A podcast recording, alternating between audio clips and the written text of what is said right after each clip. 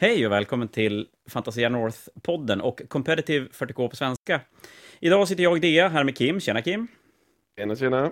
Vi ska ta upp en het potatis på internet. Vi ska snacka Leagues of Wotan.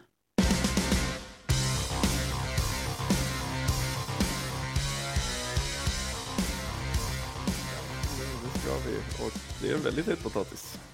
Ja, men det är ju det. Och jag tänker att innan vi brakar in i hela internetdebatten om brutet, icke brutet, så, så ska vi prata lite grann om Leagues of Wotan som, som armé och koncept, även om det inte är så mycket competitive, men vi, vi nämner det i alla fall. För det här är ju första gången på väldigt, väldigt länge som vi har en helt ny armé. Jag räknar inte skotsen från Rogue Trader som en armé som har funnits, utan i modern tid så är det här en helt ny armé och förra gången vi hade det, det var Tau. Ja, det var Tau. Eh, Och det är länge sedan. Det är kopiöst länge. 20... 2004, tror jag. Någonting Jag sånt. tror det där omkring.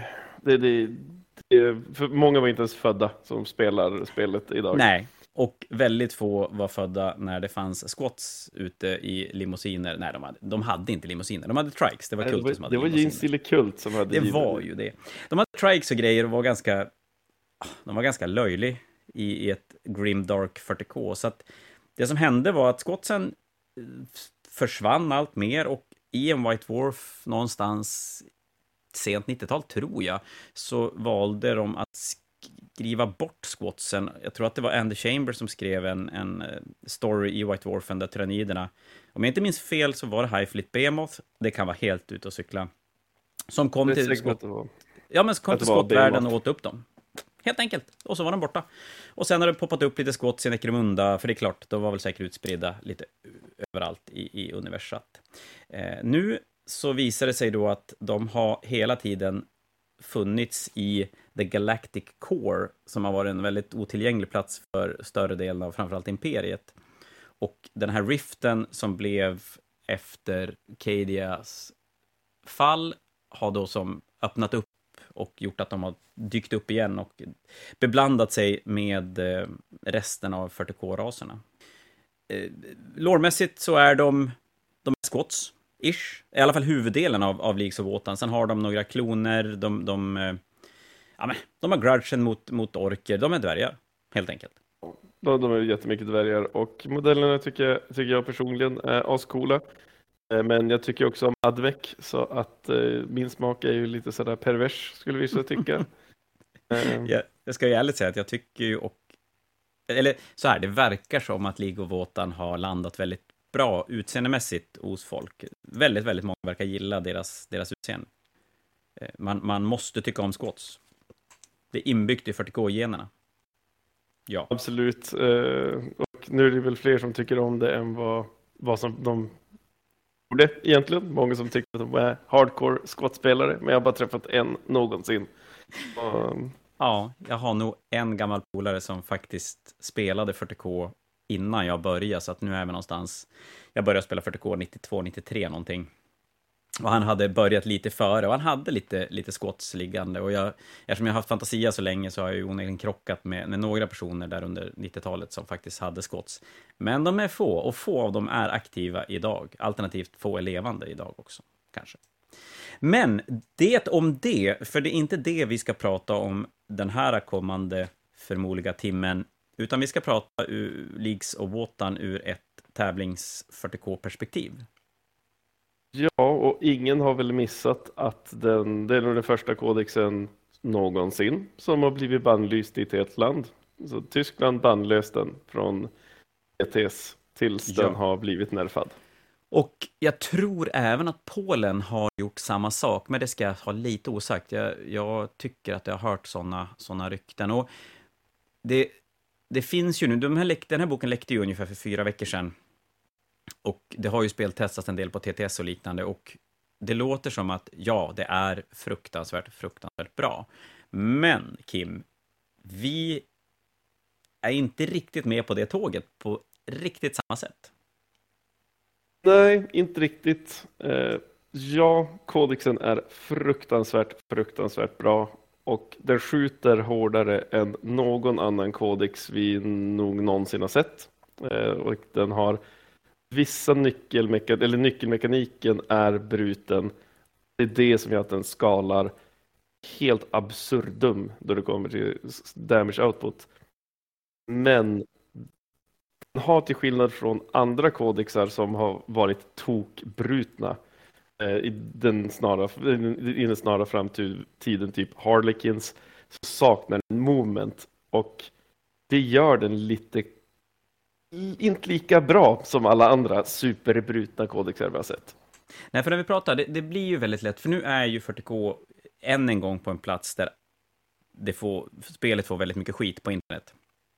Det var ju i, i någonstans där i början på åttonde och ganska lång tid genom åttonde så var ju smekmånad för 40K när, när GW valde att ändra sättet de approachade communityn på och, och ta in communityn och, och lyssna, berätta, inte förklara så mycket, men det har vi pratat om tidigare. Mm. Men den smekmånaden är över, så nu är det ju tillbaka till att det är för mycket regler, det är för mycket böcker, det är för dyrt och det, är, det händer för mycket, det händer för lite. Det är fel, allt är fel. Och då är det ju mycket ni sagt nu att ja, men det är power creep, alla böcker som kommer är bättre än de tidigare böckerna. Men det tror jag vi båda är inne på att det skulle vi vilja slå ner lite grann på i alla fall. För då har folk glömt böcker. Ja, för vi har kulten däremellan, vi har demonerna som verkar ha glömt bort mer eller mindre helt och hållet. Knightsen var det ett ganska långt tag där innan de kunde som riktigt göra sig ett namn på borden. Ja, eh, Custodes. Initialt pratades ju Custode som att det var helt värdelös. Den fick ju till och med en buff innan det ens hade börjat spelas. Och sen visade det sig att den var bra, men den var ju inte... Den var ju inte vi bryter spelet bra, utan vi har väl egentligen, vad har vi i, i nionde? Vi har Drukari var ju först och förmodligen bland de bästa böckerna som har släppts, alltså, eller mest brutna böcker. Holkins, definitivt. Admec, Tyrannider. Även de fyra böckerna som sticker ut då. Ja, Tau innan Nerf också. Eh, var ju lite som ja, det var. så är det ju. Och, och, då är ju frågan, i det sammanhanget är ju frågan vart Wotan landar. Kommer de ha 84 win rate om man plockar bort interna matchups som Harlekinsen hade. Jag kan inte se det ske. Alltså, även med den här damage outputen. Eh, och vi kommer gå igenom lite, lite kom, vombo kombos som inte folk sitter och grinar över på internet som fortfarande är väldigt starka. Eh, så jag kan inte se dem nå det just på grund av att de har ett eh, ganska dåligt secondary play. Förutom att flytta bort motståndaren från bordet. Ja, och det, det har ju testats, alltså det är klart, Tau gjorde det väldigt bra, men då var det ju i stort sett ett indirekt skytte som, och en möjlighet att kliva fram och tillbaka från ruiner och grejer och skjuta, ha längre avstånd, längre range än vad, vad, vad Leagues of har, mer moment än vad Leagues of har. Skjuter inte riktigt lika hårt, men, men tillräckligt hårt.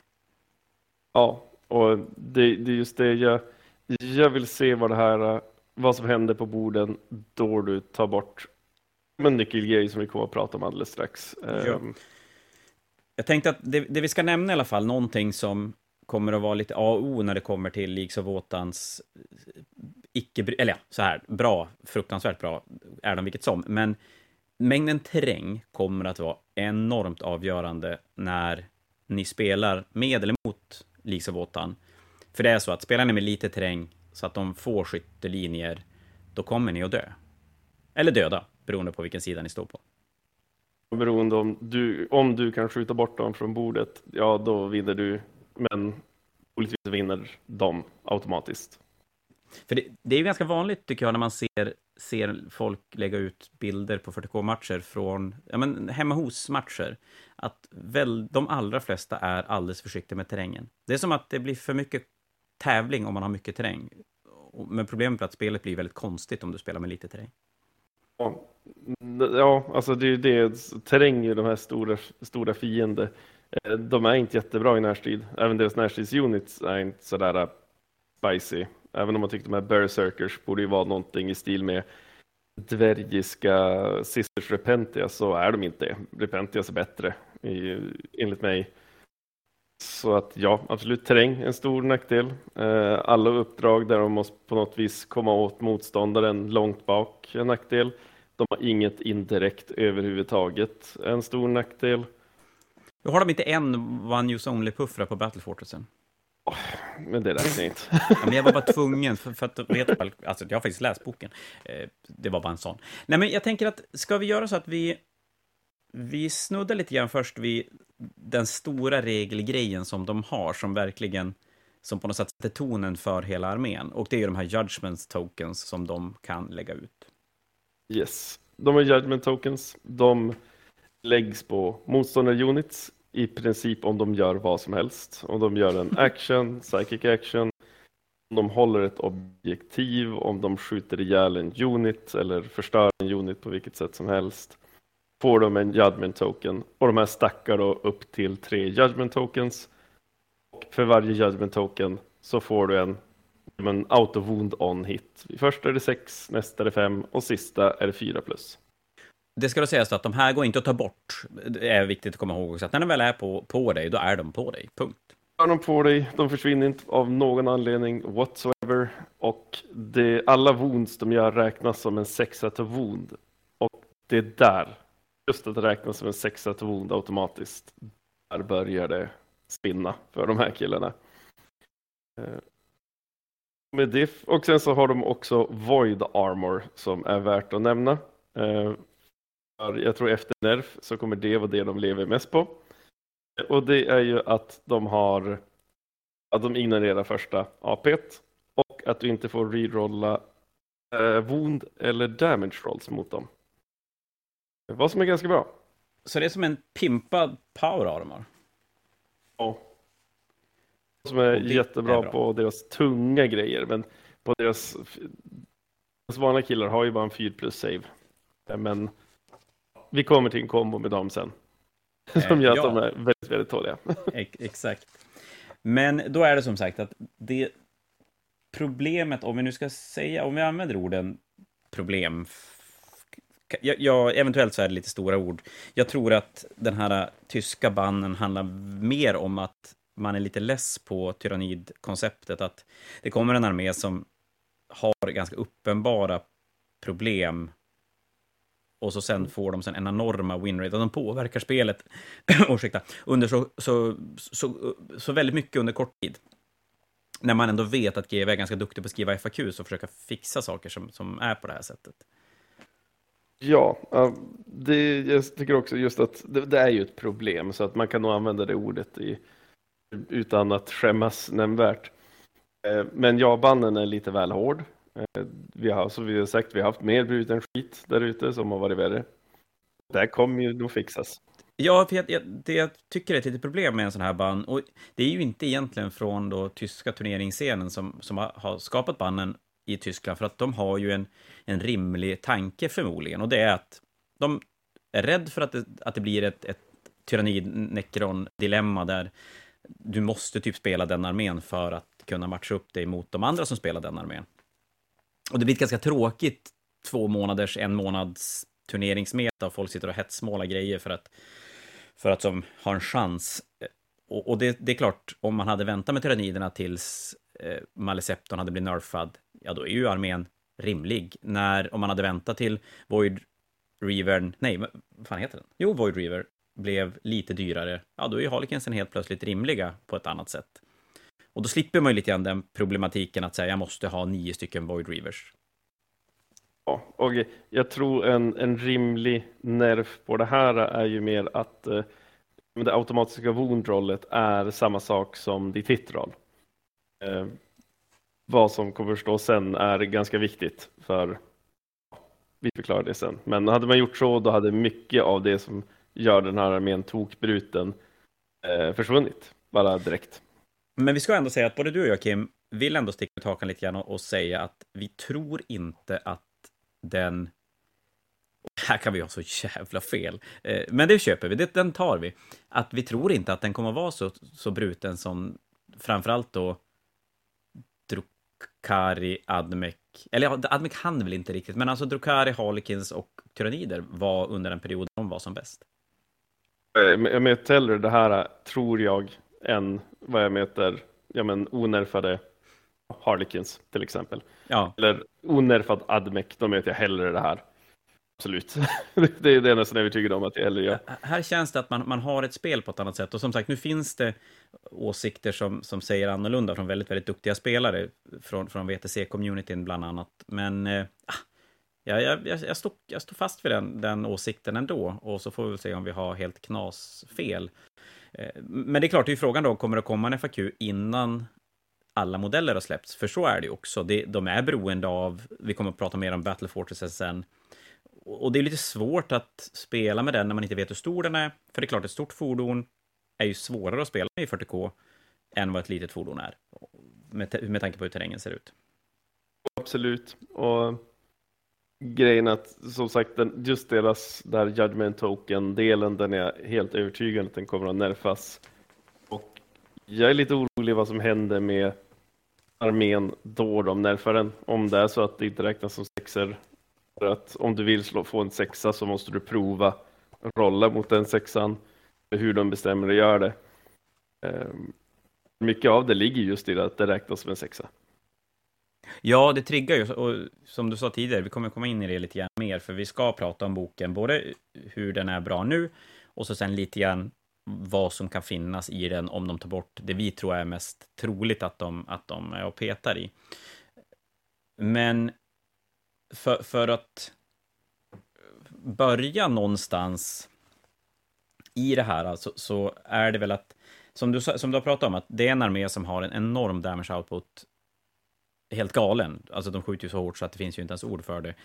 Den tål rätt mycket stryk, armén, gör den ju.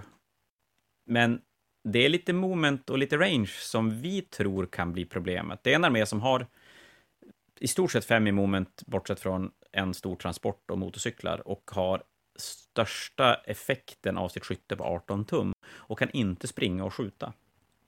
Nej, eh, men, men vi kan lämna det för stunden då vi börjar prata om units och sen kan vi börja prata om the leagues.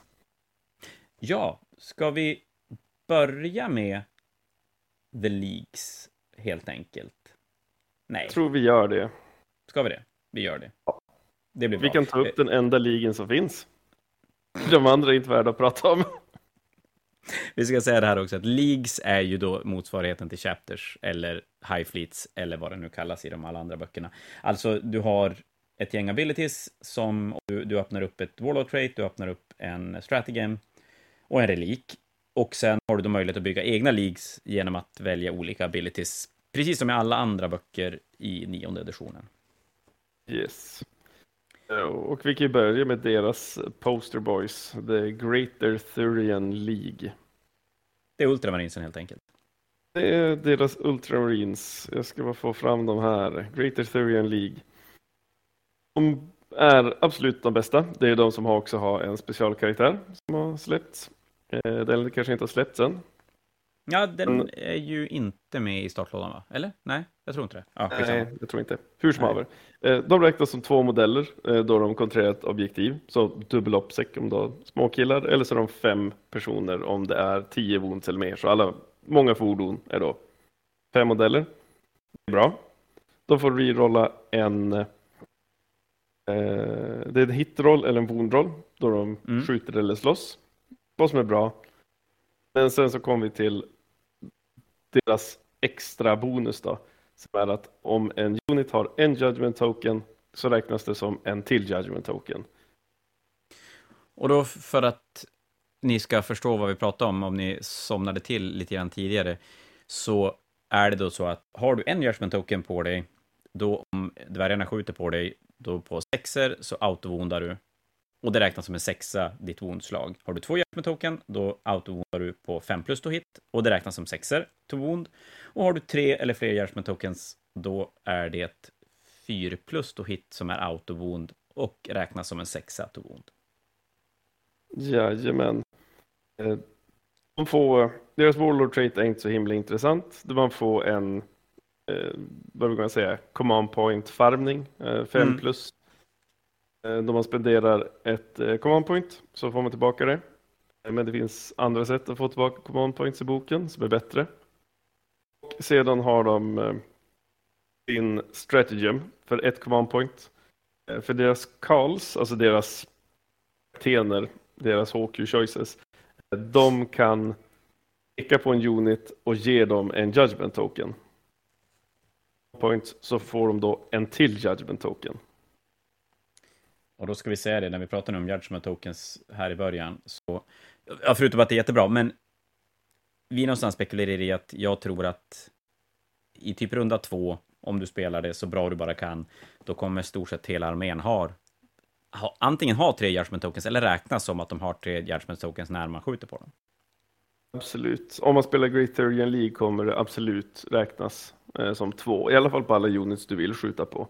Mm. Eh, för det finns fler sätt att ge judgment tokens. Eh, utöver peka på dem eller att de måste göra en action. Eh, man kan också få det genom att eh, en searchlight unit, det är väl bikes, eh, ha searchlights, eller kan ha searchlights. Det är ett command point och om de har träffat en unit med ett vapen så får de också en eh, judgment token. Eh, Så att man kan sprida jättemycket judgment tokens som The Great Tyrian League. Jag skulle säga att det är lite grann som Taos Markerlight. Tau är lite, tycker jag i alla fall, är lite så att vill de ha sina Markerlights, då kommer de att få sina Markerlights på enheter. Skillnaden där det är ju att de använder du upp och så försvinner de. Här så lägger du på motståndaren och sen är de där. Ja, precis. Eh, Just det, här har vi en till, om man ska vara kritisk mot den här kodexen. De är så bra, The Great League, att de lyser som över alla de andra som hypotetiskt sett kunde ha varit ganska intressanta. Typ, eh, vet du om Kronus någonting? Eh, Kronus Ja, mig Hegemony. på- Ja, någonting sånt ja. Eh, för de får bland annat eh, Battle Shock, så de får extra attacker i närstrid och som kompenserar lite grann för det de är lite sämre på, vad som är just närstrid. Men på kompetitiva bord så kommer du bara att se Great Ethereum League. Ja, så är det. Det går som inte att säga så mycket om det. Och, och som du säger, det är ju lätt lite synd. Och det, jag tycker vi hittar tillbaka lite grann till tyranniderna och egentligen Harlequins och Admec. Det är väl egentligen bara Drukare, för Drukare var så bra så att där, där var de tvungna att pilla i omgångar och, och det dök upp andra saker som var visade sig vara precis lika bra. Eh, Men, men med tyranniderna var det ju väldigt mycket eh, Maliceptorn. Med Harlequinsen var det ju poängen på skyttebåtarna. Och Admec var ju framförallt den här teleporteringsgrejen va, som var knasig. Ja, det var ju mycket som var knas där. Jag Det var ju mer att, grejer i och för sig. Alltså det var ju att du hade treskottspicker som autovundade på 4 plus to hit och de hade AP minus 1 och du kunde få fyrskotts 30 range gevär som hade minus 2 i AP och det, det var jätte... Och då just det, du kunde ju odödliga units också. Eh, Så att där det var, det var jättemycket knas med Admec. Och, det, och de tre böckerna blev ju ja, allt från inte alls tongivande till bra, men, men på ett rimligt sätt när de, när de var petade. Och det är väl det vi kanske hoppas med League of Wotan också, men är lite rädd för att det, det finns en risk att det blir som Admec, att de bara försvinner. Vi kan ta upp lite grann, ja, men den uniten som jag just nu tycker är bland de hetare över då eh, Hekaton Battle Fortress eh, som just lever på den, den här eh, Judgment Token. Det är Inhir Hearthguard med Volkite Disintegrators och eh, Wavefield Crests. De kostar 35 poäng styck. Det är då deras Terminator-varianten lite större. Med Wave Creases så får de Toughness 5, 3 wounds, 2 plus save, 4 plus invul. Vad som är jätte, jättetåligt då de ignorerar första. Eh, AP1 och du kan inte rerolla wounded damage mot dem. Eh, närstrid så är de ganska kass. Två attacker styck, VS 3 plus, styrka 8, AF minus 2, damage 2. Så att det är ju inte bästa i världen, det är bara två attacker.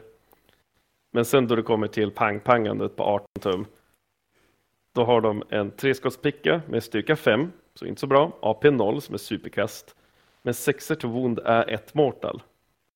Och det är där då det här blir jätte, jättebra, för då snittar en Einen Hearthguard 1,5 mortal wound innan rerolls. Så har du sex stycken, ja men då är det nio mortals i snitt innan rerolls.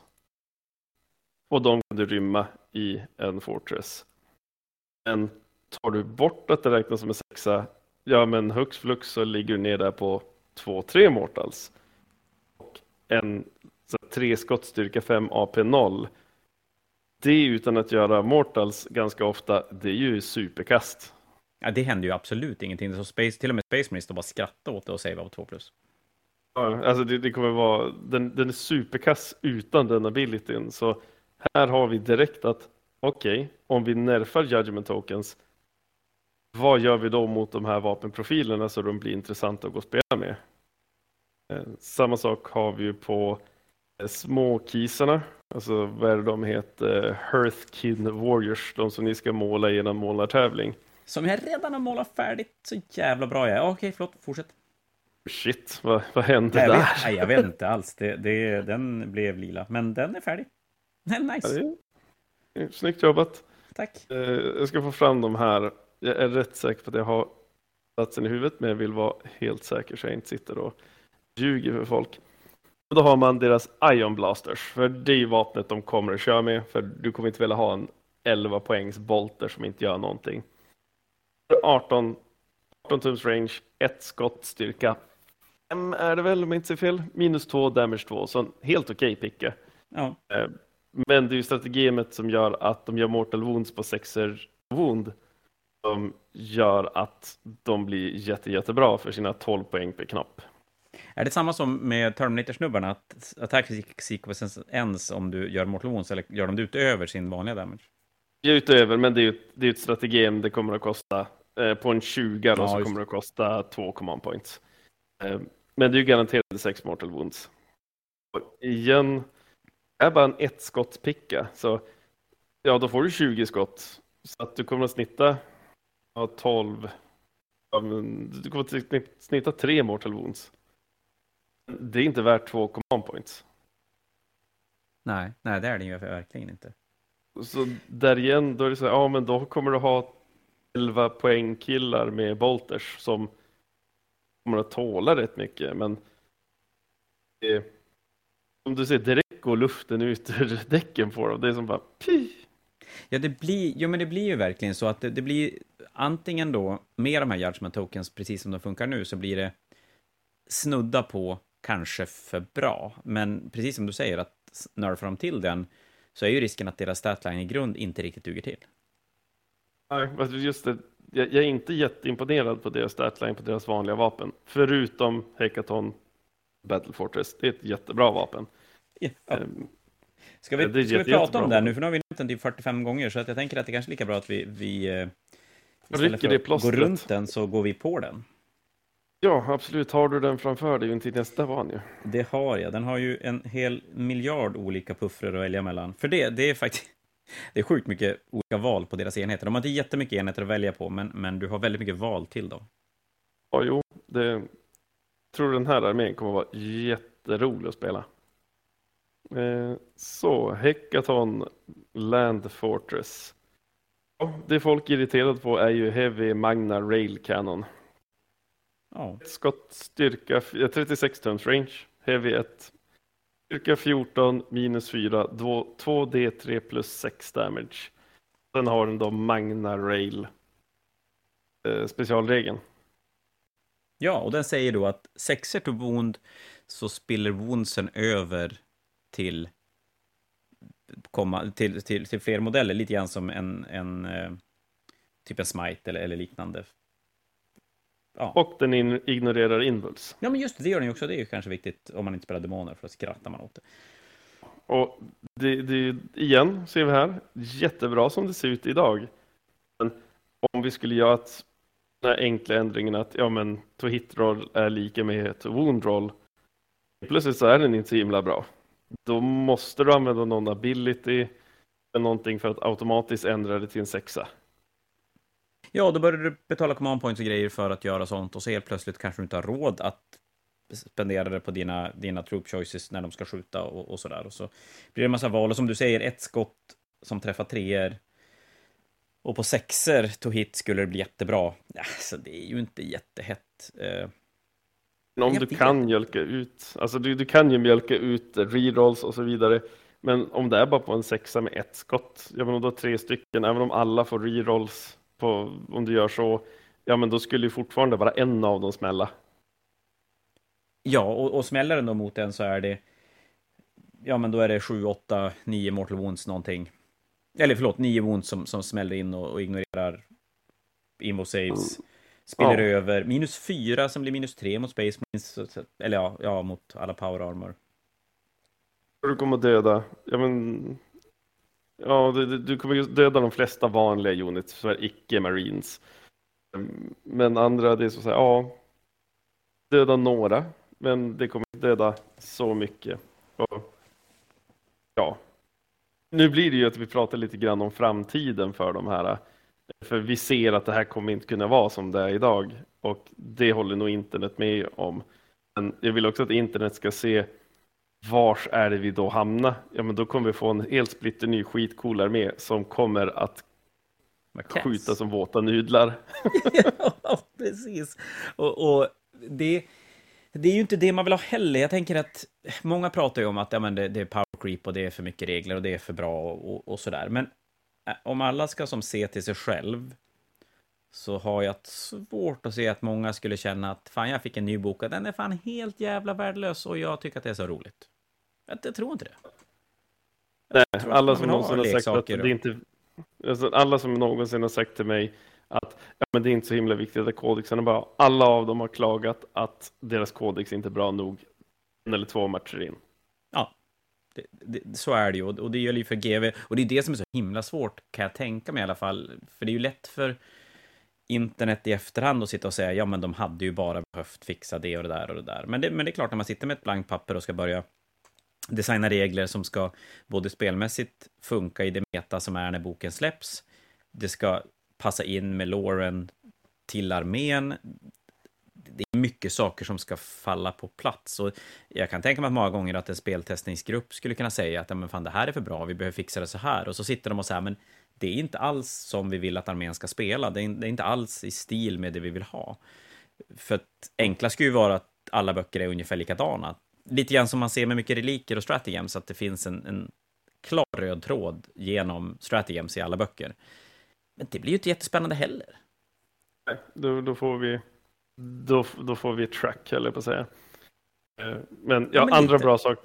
Ja, men om vi ska återgå till Hekaton ja. Fortresset. Eh, Eh, den har ju moment 10 och det här är ju typ den näst snabbaste modellen i spelet. För du har ju ett strategem som gör att du får 10 tums advance. Så att du kan advansa det här eh, åbäket 20 tum om du vill. Eh, jag vet inte varför du skulle göra det, för du vill, vill nog pang-panga rätt intensivt.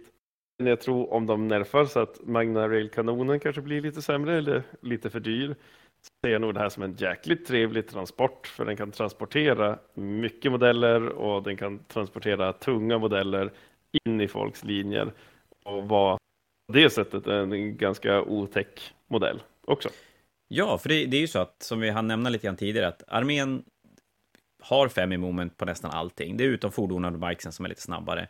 De springer tre istället för en D6, vilket är ju rätt stabilt. Men deras standardvapen har, en, har inte assault eller rapid fire, utan de har hunter istället och en siffra bakom. Så de skjuter lika många skott som siffran. Men hunter i sig är ingenting. Typ. Det är bara, tom, det är bara som att skjuta tre skott.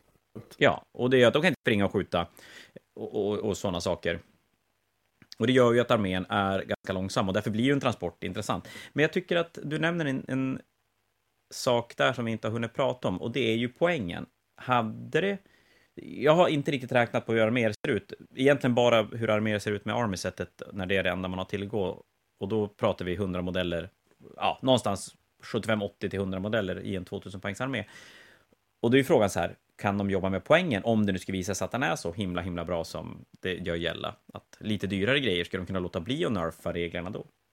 Ja, ja alltså, tror problemet om de gör det är att saker just nu är för billigt, det kan jag säga direkt. Uh, typ eh, uh, Aether Hearthguard med den där pickan där de snittar ett och ett halvt mortal wound innan rerolls per modell. De kostar 35 poäng och har lika många wounds som en warrior fast en 2 plus save och en 4 plus invul. Eller så kan de få en teleport stratt. Eller få bli deepstrikade. Och det är ju som inte rimligt att någonting som tål mycket mer slår typ lika hårt i närstrid men skjuter stenhårt mycket hårdare kostar bara 5 poäng mer. Eh, inte riktigt rimligt. Där måste Pratar du Tyrannid Warriors då eller? Jämför dem med en Tyrannid Warrior. Ja, precis. Ja. För, för det Tyrannid Warrior gör bättre är att de har fler attacker och de snabbare.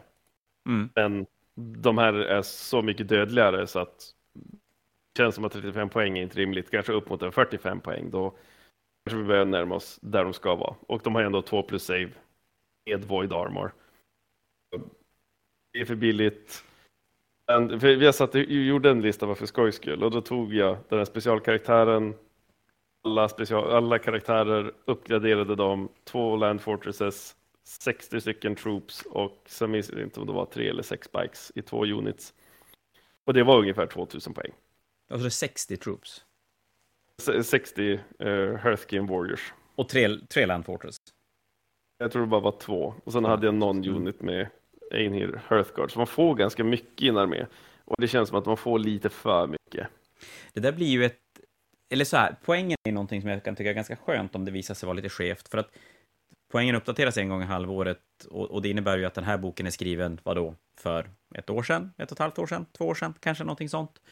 Och det är klart, från det att den här boken skrevs så har poängen ändrats tre gånger, fyra gånger till och med, eventuellt.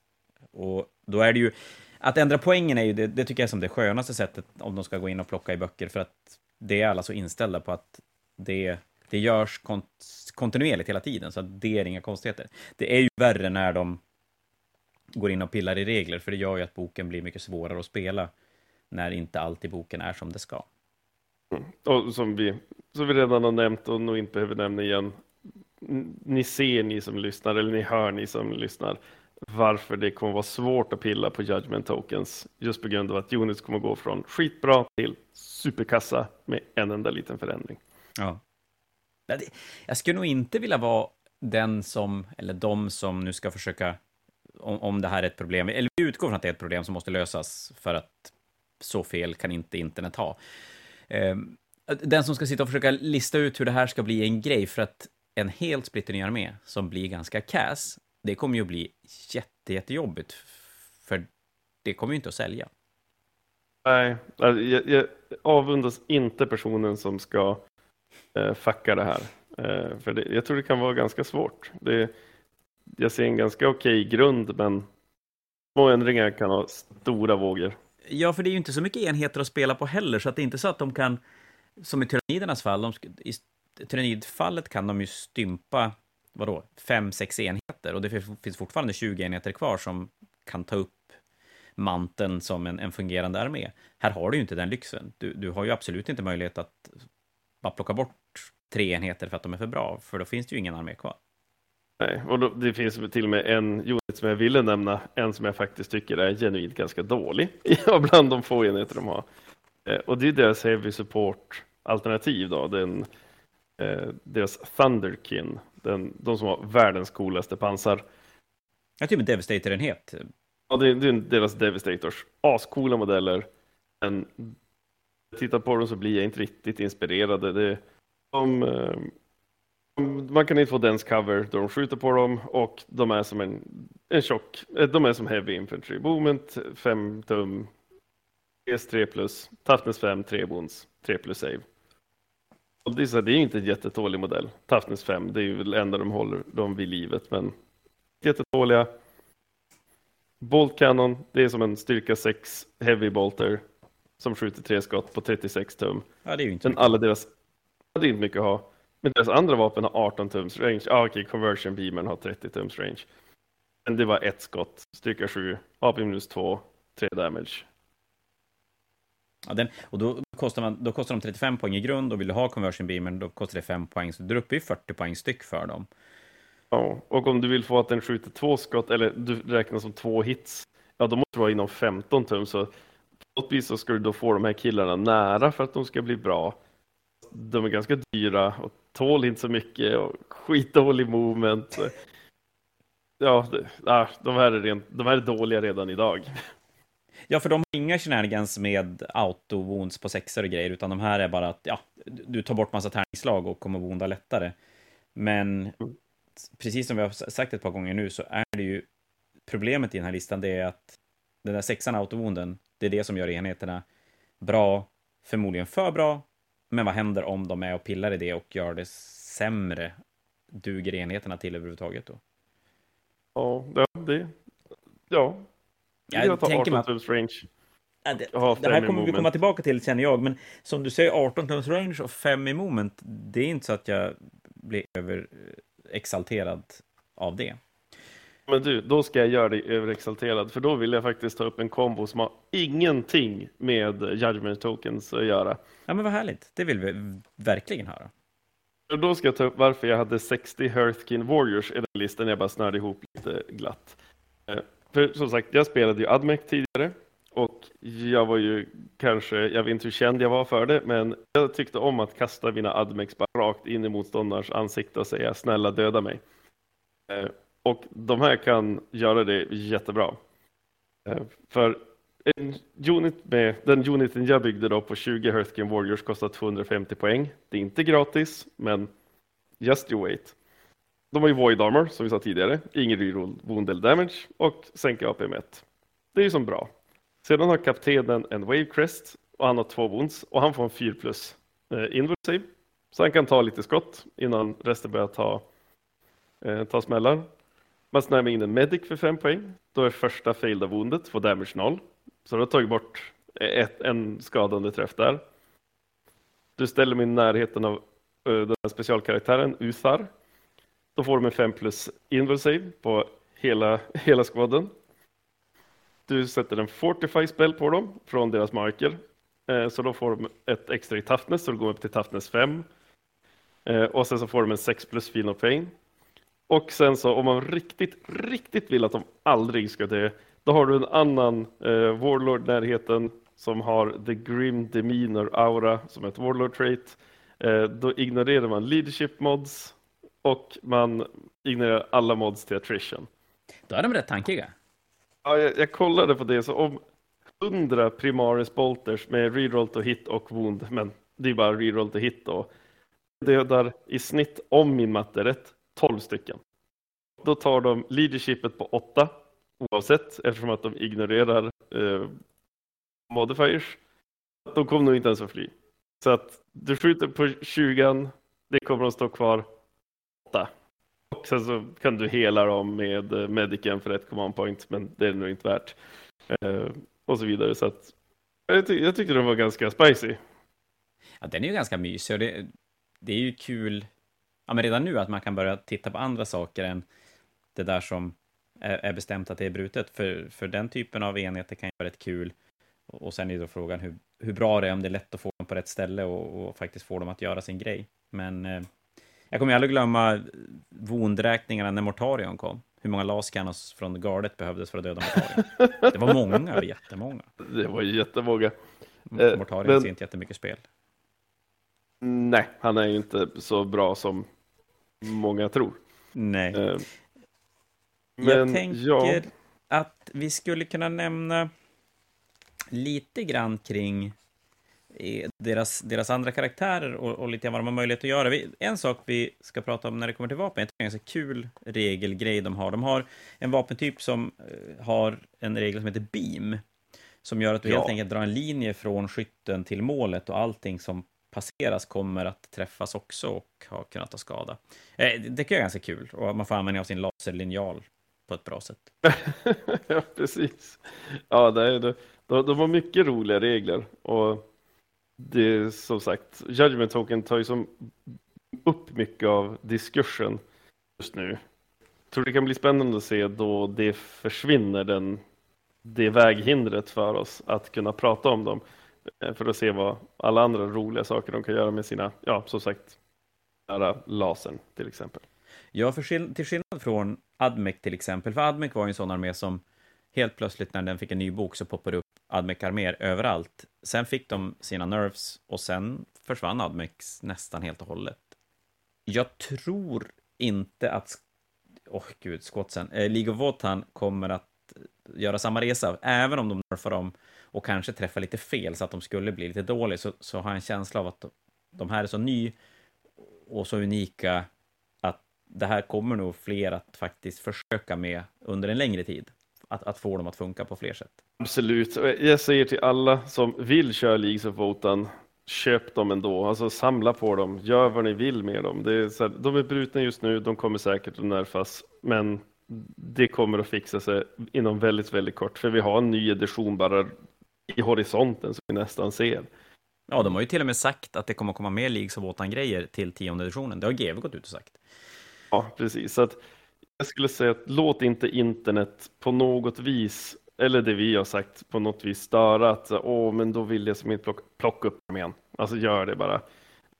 Om det är så att ni sitter hemma i era källare och spelar, men husrola som vi sa nu att ja, men to hitta är lika med to wound, för då har 99 procent av allting som är helt brutet försvunnit direkt. Ja. Och, och ha kul prova, med det ändå. Prova ställa ut mycket terräng, alltså spela med riktigt mycket terräng. När, när ni kan ni, absolut kolla massa battle reports och grejer från större turneringar så kommer ni att se lite grann hur terrängen, jag höll på att säga inom situationstecken, ska se ut. Men om ni ställer ut själv, när ni känner att ni har ställt ut alldeles för mycket terräng, ställ ut fyra bitar till, minst. Då tror jag ni börjar närma er vad, vad, som, vad som är rimligt och testa gärna att spela den här listan, även som sagt, även onerfad, och se hur den står upp mot tunga Nashis arméer, typ så här blodänglar. Vad, vad kan blodänglar göra mot liksom Wotan om man lyckas ta sig fram utan att bli skjuten på? Vad, vad händer? Space Wolf, det, det, finns en. För att en sak som jag inte faktiskt, det här blir rätt spännande, för att nu spelar ju inga böcker med sina sekundära från kodexet, utan alla spelar ju med Nephilim-bokens sekundära. Men de har ju, Wotan har ju inga sekundära i, i Nephilim, utan de har ju sina egna i boken. Jag trodde faktiskt inte det skulle vara med några sekundära i, i kodexet. Och deras sekundära är inte så att man jublar högt och glatt som systrarna gör. Äh, de har väl inget som är värt att ens ta. Ja, men det, det är väl den som du får en poäng om du dödar en enhet som har en sån här judgment token på sig. Och kostar den över 150 poäng så får du två. Och sen får du, nu ska vi se, så jag ska kika det här. Nej, just det. End of each phase, score two victory points if one or more enemy unit that had one or more judgment token was destroyed by a Votan unit from your army. Och så one additional victory points om de hade tre judgment tokens. Och sen i slutet på matchen, och då tolkar jag det här som att du kan samla på dig fyra miljoner poäng. Och sen i slutet på matchen, då får du minus ett på de här för varje enhet från motståndaren som överlever med judgment tokens på sig. Och sen blir totalen max 15. Eh, den, med tanke på att armén bara dödar, så, så är det väl den i så fall man ska spela, men annars är det ju så här att du ska göra ett, ett, ett, en action på ett objektiv, eller du ska hålla fler objektiv på brädet som motståndaren får lägga ut och sådär. Det är ju inget bra när du har fem emot. Nej, alltså det... Och som sagt, det, den där är ju bara bra just nu på grund av att de kan delita vilken unit som helst från brädet om de är inom för 18 tum eller en sådär Fortress får se dem. Det kan vara kortlivat att det är så. Så att eh, jag skulle inte hurra för deras secondary spel, även om det ser fint ut idag. Så jag tror inte det ser fint ut om två, tre månader. Och då skulle jag ju vilja komma in på det, det jag aldrig har nämnt i poddformat tidigare, så att vi tar det för första gången nu. Om vi tänker så 20-0-systemet kontra win-loss, så känns mm. det ju spontant som att i ett win-loss så blir de förmodligen otroligt mycket bättre eftersom de kan döda motståndaren så de, de kan döda motståndaren så mycket. Men att de, frågan är hur lätt de har att vinna mycket. Som alla andra som är långsamma så tror jag inte alls de har det. Kolla Nej. Nurgle i allmänhet. Det är, det är sällan, alltså Eh, Death Guard är ju jättefarliga då man kommer nära dem, men de står oftast och gömmer sig i sin deployment zone för de vågar inte gå fram för att de hinner inte nog långt fram innan det smäll. Eh, och eh, jag säger det, movement är nyckeln till att vinna spel i 40K. Och Otan har det inte.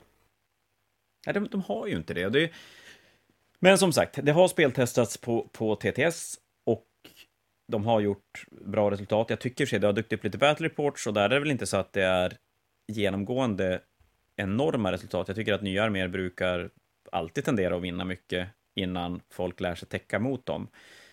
Så jag hoppas verkligen att de här får se spel och testas, även med, med Judgment Token-systemet som är nu. Om ett annat bara för att visa att de då eventuellt är för bra. Och här tycker jag Tyskland gör fel, för att det blir ju jättesvårt för GV att nerfa saker om de inte vet vad som är för bra. Alltså på, på riktigt är för bra. Eh, nu, nu, kommer det sitta så och killgissas och berättas och spekuleras. Men om det är så att folk är lite snett ute, då, då, då blir det ju jättetrist för armén om det, det, det helt plötsligt inte alls blir så bra. Jag håller med. Alltså det, det är just det där. Jag hade velat se dem faktiskt på riktigt gå ut och visa vad de går för. På riktigt, på stora turneringar. Eh, så att vi får veta exakt vad det är vi egentligen ska pilla på och kanske kan få lite data hur vi ska gå tillväga. Vi får se, som sagt. Det, det får framtiden avgöra. Ja, för det lär ju hända jättemycket. Men det ska ändå tilläggas att de har en name generator i boken och om du slår en 11 på ditt eh, mail name så heter du Körv. Det, det, ska vi aldrig, det kan vi inte undgå att, att tycka att det är bra. Ja, men ska vi gå igenom Ska vi snacka lite grann om, om, om eh, enheterna mer, eller ska vi pilla på, på Warlord Traits eller Stratagems? Stratagems är kul. Tycker jag. Stratagems kan vi gå igenom. Det har ju gått igenom några av dem. Mm. Uh, har vi några spännande som kanske inte då bygger kring så himla mycket Judgment utan, utan kan göra annat spännande? Ja, jag var ju ett jättestort fan av hundar eh, för Admec och då är ju nu har jag inte exakt vad den heter här framför mig. Eh, men det är ju Advance-strattet för motorcyklar och bilar. Och få en extra 10 tums Advance. Som jag tycker är väldigt, väldigt spännande. För det plötsligt har du en 22 tums move med motorcyklar. Så du kan använda dem för att stjäla objektiv eller movementblocka. Och, De får till och med 12 tums extra move. 12 tums extra move? Ja, jäklar. Den heter 24. Accelerated Response, kostar en CP och du använder din movementfacen när Våtan Accelerated Units, och då gissar jag att det är bikesen, sen finns det säkert någon annan också, när de advansar, då lägger du till 12 tums moment till dem. Nice. Uh, ja, den tycker jag är kul. Uh, en annan som jag också tycker är ganska rolig, men jag vet inte hur, hur bra den är, men den är ganska kul. Eh, deras berserkar har ju någon anledning en molmortar med sig. Eller de kan ha en molmortar och eh, då kan man göra subterranean explosives. Eh, och då kan man få den här klassiska halvera move eller, och man slår sist om man får det här på sig. Det är lite kul. Jag tror inte det kommer vara så bra, men det är lite kul. Där har de ju faktiskt ett vapen som skjuter indirekt. Mole Grenade Launcher behöver inte se sin fiende, men, men det kanske inte är ett vapen som kommer att bryta spelet. Det är D6 skott, styrka 5, minus 2 AP, damage 1, blast. Ja, den är inte så där jättebra. Den sitter ju också på närstridsunit och kommer väl att springa fram och slå folk i ansiktet så fort som möjligt. Ehm, jag ser inte riktigt varför de har den egentligen. Jag hade velat sett den på någon annan, men jag tyckte den, lite, den såg lite rolig. Lite dyr på två command points, men ja. Nej, och jag måste bara säga det. Alltså det är, det är svin mycket coola modeller i den här armén. Men de där är ju faktiskt ganska fula tycker jag. Men den här Teenage Mutant Ninja Turtles eh, konverteringen av dem är ju amazing. Har satt eh, hockeymasker på dem allihopa så de ser ut som Casey Jones. Det är ju... Det är i och för sig lite coolt. Jag säger, de, det där går att konvertera så de ser hur häftigt ut som helst. Det är, ge bara folk med lite fantasi de där modellerna så ska vi nog se något riktigt spicy. Ja, och det dyker upp allt eftersom. Nu väntar vi egentligen mest på att boken ska komma, eller boken må ju vara för att den finns ju att grabba för de som vill göra det, men, men eh, att det kommer mer enheter eh, så att man kan faktiskt börja bygga rimliga arméer och inte bara 80 stycken Hearthkins eh, Warriors, utan kan fylla på med lite annat också. De har ju en del jävligt coola karaktärer. Ja. Eh, men sen så då man tittar omkring ibland eh, gamerna så ser man ju väldigt mycket sådana här ja, men, saker man har sett förr som man tycker är som bra. Att, eh, ja, men fallback and shoot har vi en. Eh, de har en som, där du kan stänga av, eh, då väljer du en unit inom 12. Från en Votan Coms unit. Och man kan köpa Coms till Warriors. Jag vet inte om det är någon mer som kan ha det. Men då väljer man en unit inom 12 av dem och sen så får inte de aura-buffar. Och ja, just det, det, det har vi sett lite tidigare också från, från, i andra arméer som kan stänga av, stänga av buffar och grejer. Och det är ju en, en kul men det är en kul mekanik tycker jag 40K eftersom det bygger så mycket kring buffar och att inte alltid kunna känna sig hundra säker på att de funkar är ju, är ju är roligt. Ja, det, det, det, det tycker, den är som lite rolig. Den har eh, aspect scan, eh, det vill säga skjuta på saker som kommer in i reserver. Eh, ja, vad som det man väntar sig av en bra skyttarmé de ska ha. Ja, men visst är det så att vi ser mer och mer när böcker kommer att många strategems återkommer i, som du säger, den här typen av arméer, eller närstridsarméer har lite likna, likadana strategems som, som är som nyckeln, och så sen får de lite grann runt omkring som spicar till det och, och temar till det till, till just den här armén. De har ju, de har ju även som teleportering att få plocka upp en enhet och, och dimpa ner nästa runda. Om de har den här teleportkresten då på sina eh, rustningar. Um, de har ju en, vart tusan är Jag den? måste bara säga, de har ju en som heter Luck has, Need keeps, Toil earns. Just det. Svincoolt. Jag har inte ens sett vad den gör för någonting. Du kan automatiskt pass, klara moraltest bland annat. Men, men eh, jag tycker bara namnet var lite coolt. Ja, det, det finns ju andra sådana där kombos. Man jag är inte riktigt säker eh, på hur den funkar, men de, de har en ett strategi som är kinbond och det är då de är i närstrid. Då, så kan en, då måste två units vara i närstrid. Då så får en Votan Core Unit reroll reroll to wound i närstrid. Och både Berserkers och eh, eh ja, men vanliga småkillar är ju core. Så att du kan springa in med småkillar, komma in med Berserkers efteråt, poppa det där för reroll to wound och så kan man också poppa berserkarnas egna, deras combat stims, så rerollar de to hit. Eh, och då blir de ju som lite, då blir de ju blendy. Det kopieras dyrt i tre command points. Eh, och sen tre enheter som ska som synkas och grejer. Men, men, ja, två enheter. Ja, just det, två. Men varför inte? Det är coolt. Det, är, det är jättemånga attacker. Och det gör ont då de slår. De är fortfarande inte Repentias. Repentias är fortfarande bättre. Men det är ont, det är coolt. Eh, ja, Repentance kommer kanske bli lite dyrare i nästa, nästa update också, eventuellt. Kanske. Det hade inte chockerat mig. Mm, um, nej, inte jättemycket. Mm. Och så har de också att de kan skjuta in i närstrid med en unit. Nu minns jag inte exakt vad den hette, men jag vet att den finns här inne. Någonstans. Någonstans. Det är en del strategems. Det är fyra sidor strategems, så det är inte alltid tvärlätt att hitta. Men det är ju bra. Men som du säger egentligen att de, de har rätt mycket mycket av de här förväntade skyttearmés strategemsen, måste man säga. Som du sagt, gå ut närstrid, skjuta, eh, skjuta in i närstrid, eh, göra mortal wounds på sexer till wound, som blir då som sagt väldigt, väldigt, väldigt bra i den här listan med, med de här reglerna. Eh, plocka upp enheter som kan droppa ner sen. Eh. De, de, de har en bra mix. Eh, för att vara en shooter har de också lite närstridsstrategier eh, man kan spela för att spicea upp dem lite grann.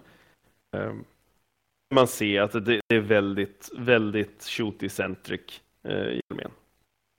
Ja, det, det är absolut ing, ingen snack om det. Eh, I övrigt har de möjligheten att uppgradera sina karaktärer som blev... Ja, det dök upp i Space Marine-boken första gången, va? Och, och sen har väl de flesta böcker den möjligheten att betala lite extra poäng för att få lite mer abilities på sina karaktärer. Yes, och eh, oavsett vad de gör så alla karaktärer ska alltid uppgraderas.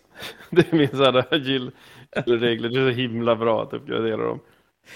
Oftast är det ju det att, att eh, och här har du också en del som, som eh, deras high call till exempel får när, när den dödar en, en enhet, om den hade en judgment token så får du välja en annan enhet som han ser och så får du lägga en judgment token på den. Så vi kommer tillbaka till att det är ganska lätt att börja smälla ut Judgment Tokens lite överallt.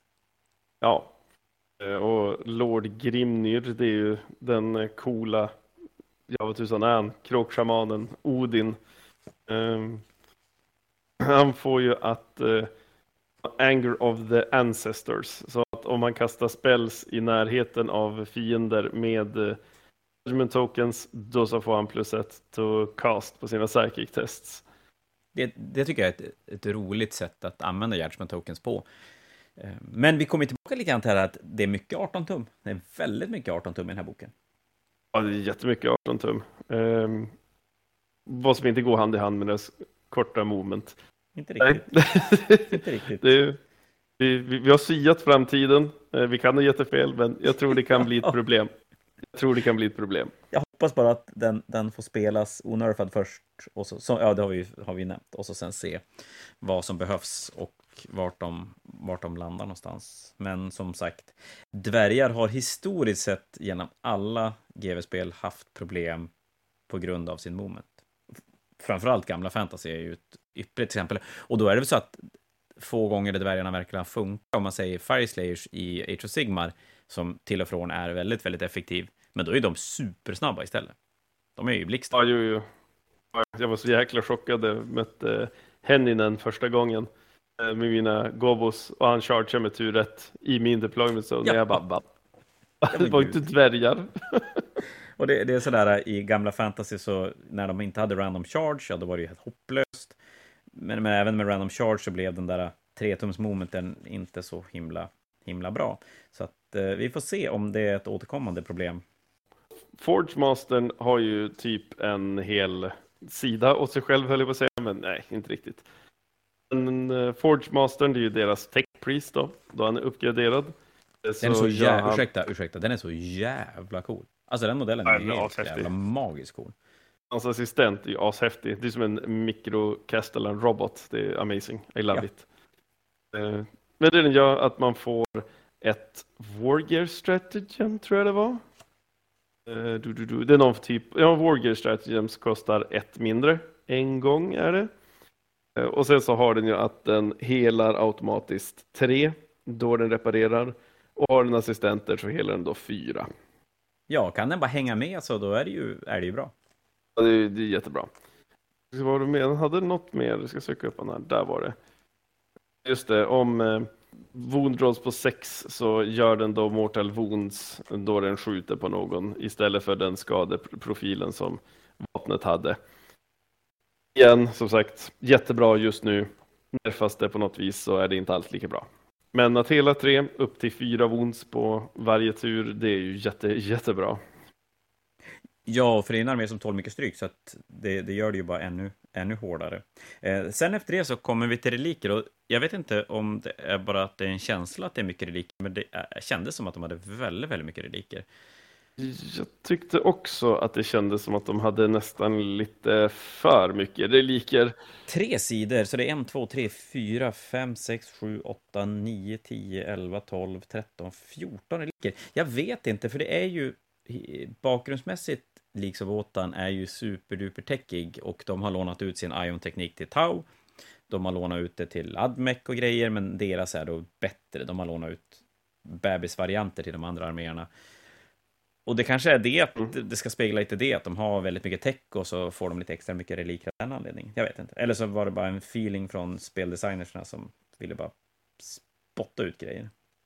Ja, lite så. Och igen så går det mycket in i Judgment Token. Det är ju någon eh, någon kniv som gör närstridsvapen som gör mortal wounds och sen så beroende på hur mycket hur många judgment tokens man har på uniten man slår på så tar de extra mortal wounds till det antalet. Och...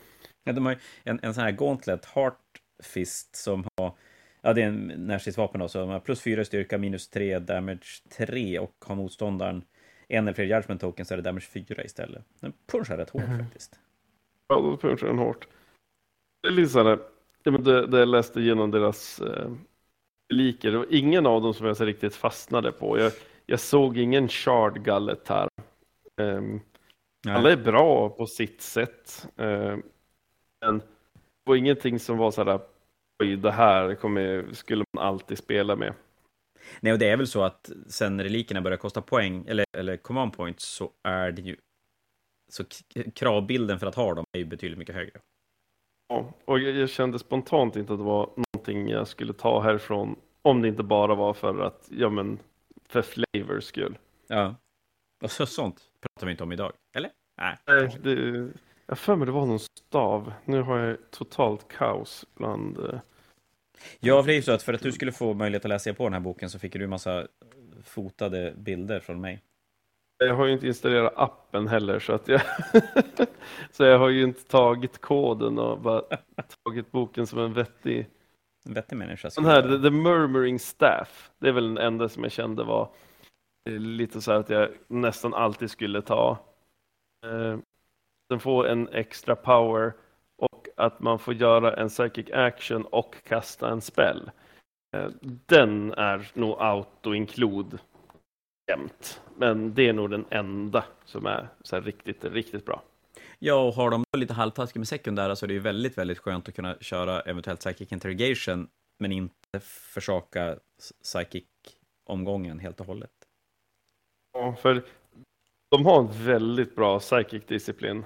Men mm. ofta så tror jag man kan komma undan med bara kasta en. Um, ja, vi kan ju hoppa över till den eftersom att vi har den på tungan. Ja, men det kan vi väl göra. För då har de då en Psyker-modell i armén. Och det är ju då Grimnyr som är Psyker i armén. Och han kan kasta två Psychic Powers och denia en Psychic Power. Inga jättekonstigheter. Så nu kommer uppgradera han så att han kommer kunna en extra, en extra och så det han kan då det är ju Interface Echo.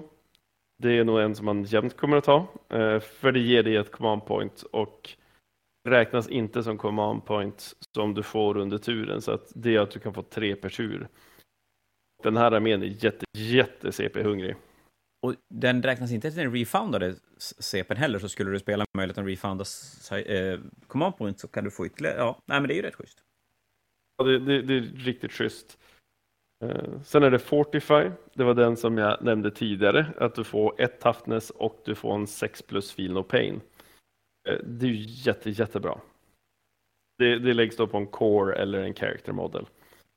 Det finns om man går bort från just uh, Great Thurian League så finns det en som ger dig plusset i toughness. Så då sitter du då på toughness 5 killar, lägger det här, då pumpar du upp vanliga warriors till toughness 6 med en 6 plus feel of pain och då börjar vi nå great levels of toughness.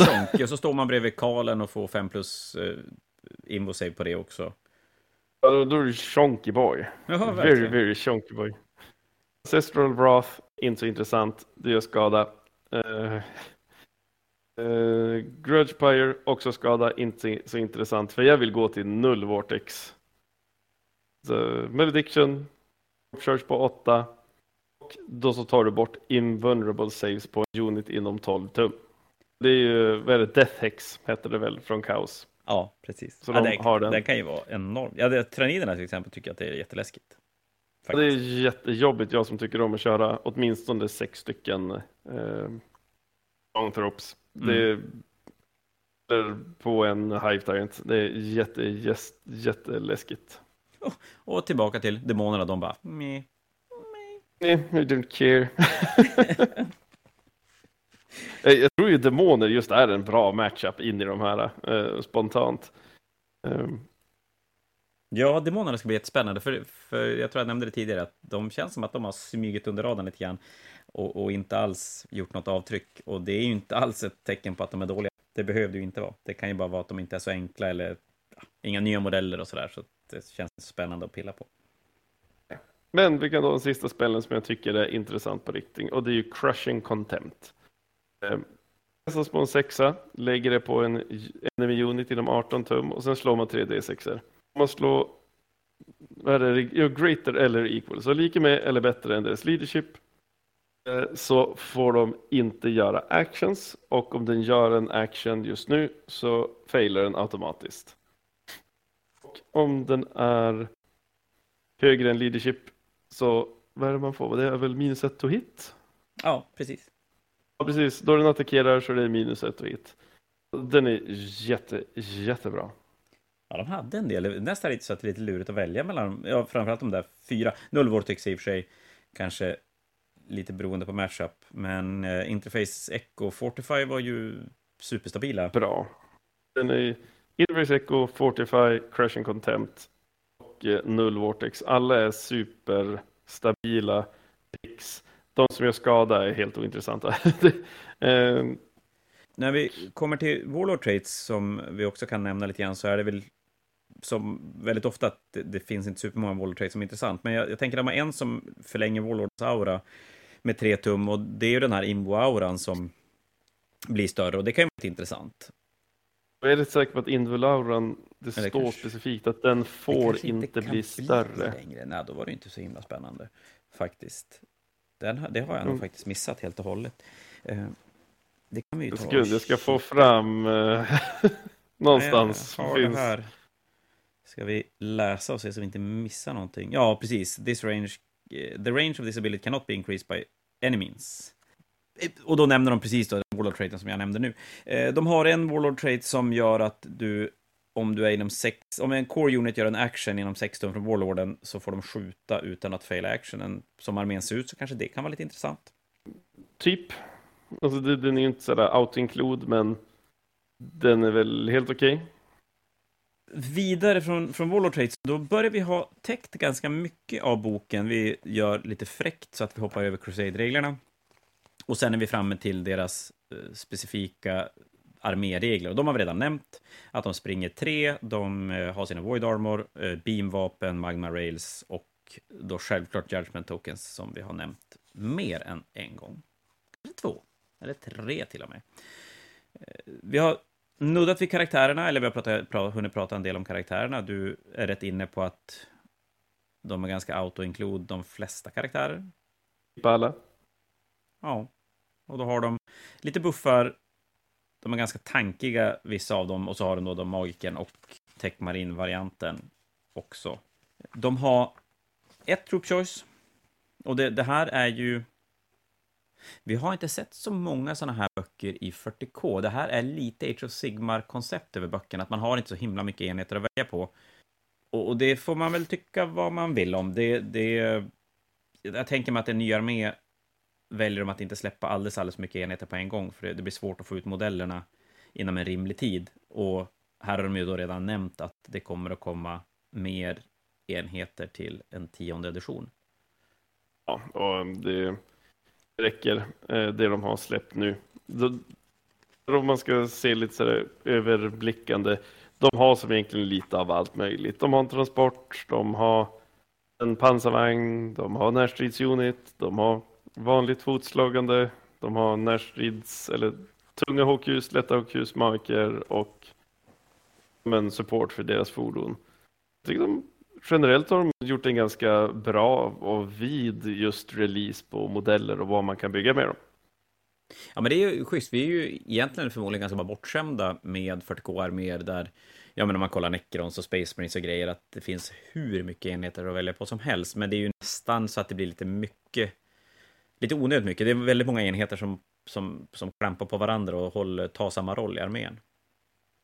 Ja, och här med som sagt med en nerf på Judgment Token så kan jag se alla units förutom just eh, Thunderkin eh, spela en roll i armén. Jag skulle kunna se mig spela med allihop. Eh, transporterna som är intressanta, just att man kan splitta units, eh, combat squadda in eh, units i dem. Pioneersen, alltså det vill säga bikesen, är jätte, jättebra. Snabba, skjuter mycket och relativt hårt. Pioneers känns, alltså bikesen då, känns nästan obligatoriska i, i armén, tänker jag, för att få den här hastigheten du saknar i, i övrigt. Du måste köra.